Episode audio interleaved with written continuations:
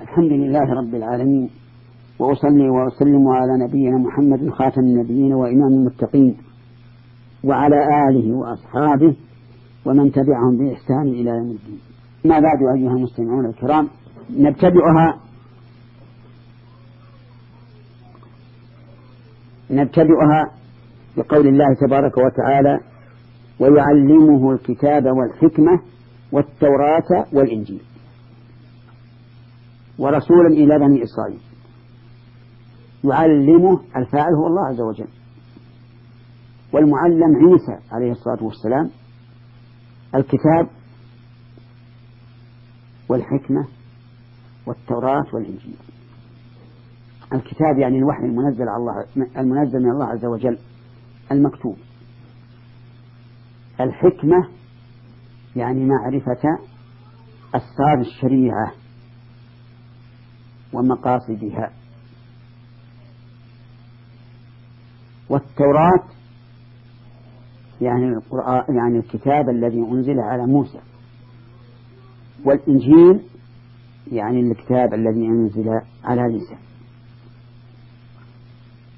وهذه بشارة عظيمة لمريم عليه السلام ورضي الله عنها. أن ابنها هذا سينال هذه المرتبة العظيمة. ففيها فوائد. منها إخبار الإنسان بما يسره ويسمى هذا بشارة. ومنها فضيلة العلم. بقوله يعلمه الكتاب والحكمة والتراث والإنجيل. ولا شك أن العلم من أفضل العبادات وأجلها وأعظمها أثرا وتأثيرا. حتى قال الإمام أحمد رحمه الله العلم لا يعدله شيء لمن صحت نيته. قال يا أبا عبد الله كيف تصلح النية؟ قال ينوي رفع الجهل الجهل عن نفسه وعن غيره. ومن فوائد الآية الترغيب في معرفة الحكمة وأسرار الشريعة. حتى يكون الإنسان على طمأنينة. واقتناع تام. ومن فوائدها.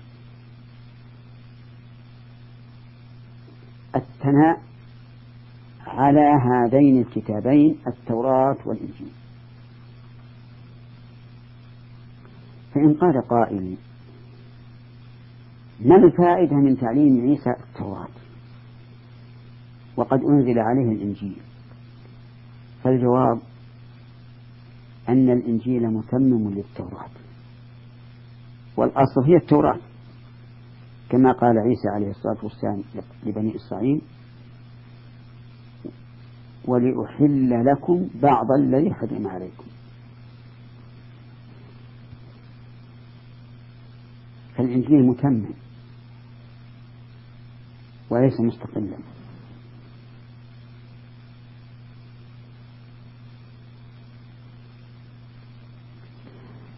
والتوراة والإنجيل قد نسخا في القرآن الكريم. والذي نسخهما هو الله عز وجل. الذي أنزلهما. فلا يتعبد لله بهما بعد القرآن الكريم. فقد بل قد روي أن النبي صلى الله عليه وسلم رأى مع عمر الخطاب شيئا من التوراة فغضب وقال أفي شك أنت يا ابن الخطاب؟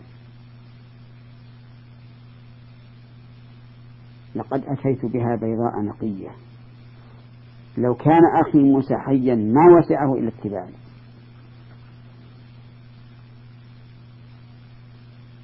ويتفرع على هذه الفائدة تحريم الرجوع إلى التوراة والإنجيل لأنهما كتابان منسوخان. لا عمل عليهما. وكل ما فيهما من خير خبري أو حكمي ففي القرآن مثله أو خير منه. فلا يجوز, فلا يجوز الرجوع إليهم ولا قراءتهما. اللهم إلا إذا قرأهما إنسان متمكن في علم الشريعة الإسلامية. موقن إيقانا لا شك فيه. وقرأهما ليعرف ما فيهما من حق يشهد له القرآن وما فيهما من حق يشهد للقرآن. وليعلم التحريف الذي وقع ممن يزعمون أنهم أتباع لهما والتبديل والتغيير.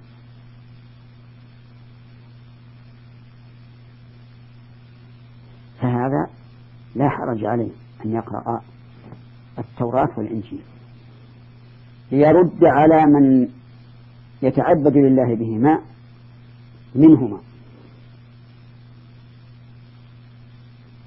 وقد فعل ذلك كثير من العلماء.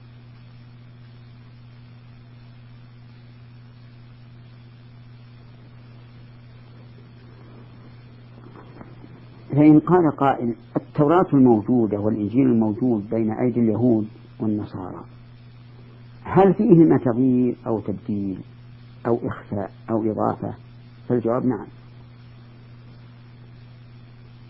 قال الله تعالى قل, قل من أنزل الكتاب الذي جاء به موسى نورا وهدى للناس تجعلونه قراطيس تبدونها وتخفون كثيرا. وقال تعالى من الذين هادوا يحرفون الكلمة عن مواضعه.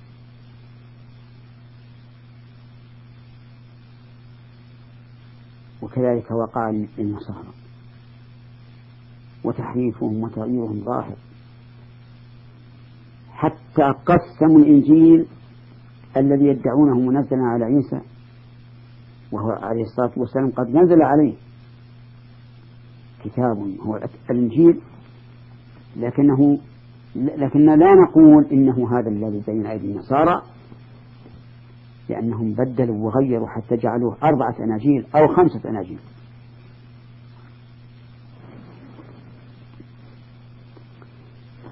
قال عز وجل مبشرا بشارة ثانية. ورسولا إلى بني إسرائيل. يعني ويرسله رسولا إلى بني إسرائيل. والرسل أشرف أنواع البشر. لأن البشر رسل وأنبياء وصديقون وشهداء وصالحون. أفضلهم الرسل. وإلى بني إسرائيل يعني بني يعقوب. لأن إسرائيل لقب ليعقوب بن إسحاق ابن إبراهيم. أني قد جئتكم هذا تفسير للرسالة.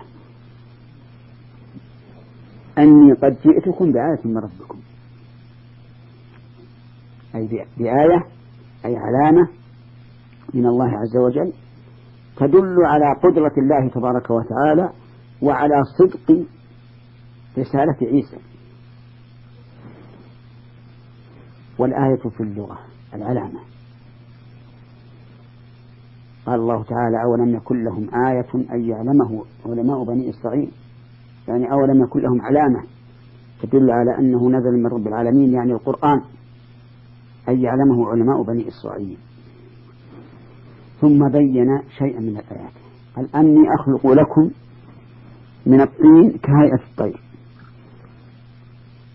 أخلق لكم من الطين صورة كهيئة الطير وهي من الطين. فينفخ فيه فيكون طيرا بإذن الله. يعني يكون طيرا حقيقة.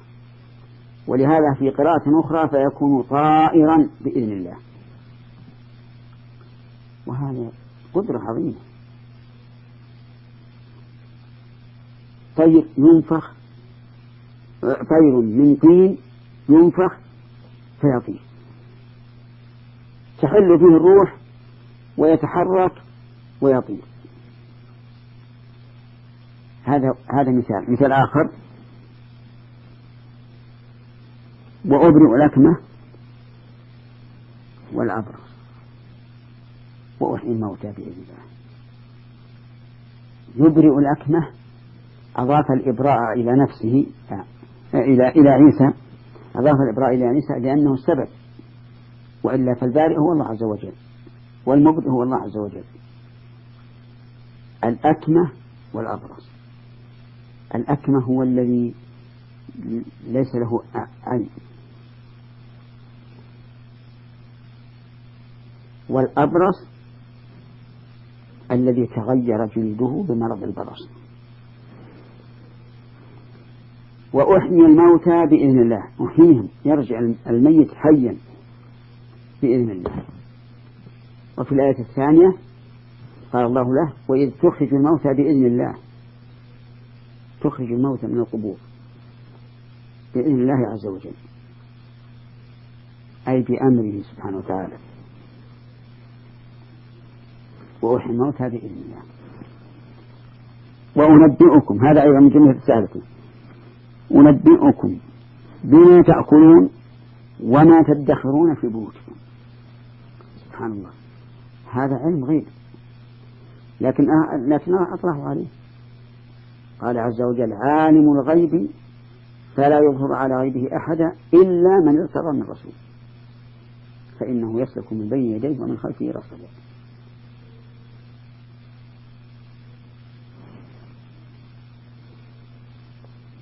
قال عز وجل إن في ذلك لآية لكم إن كنتم مؤمنين.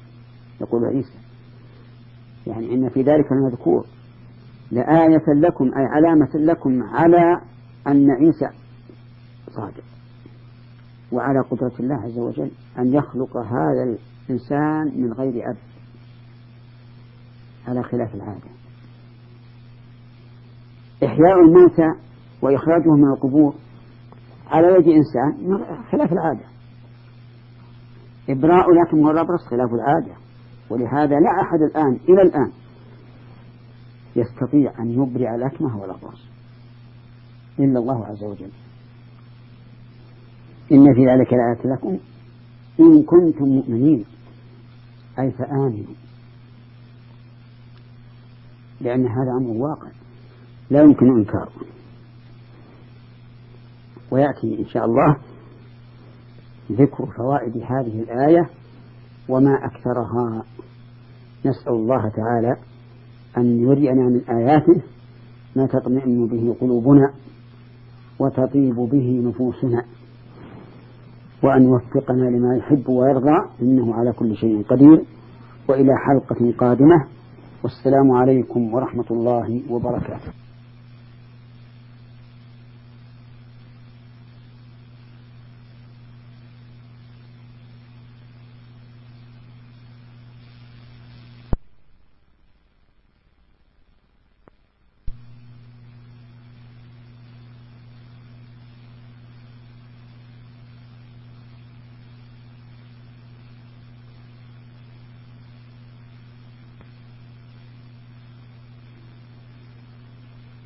الحمد لله رب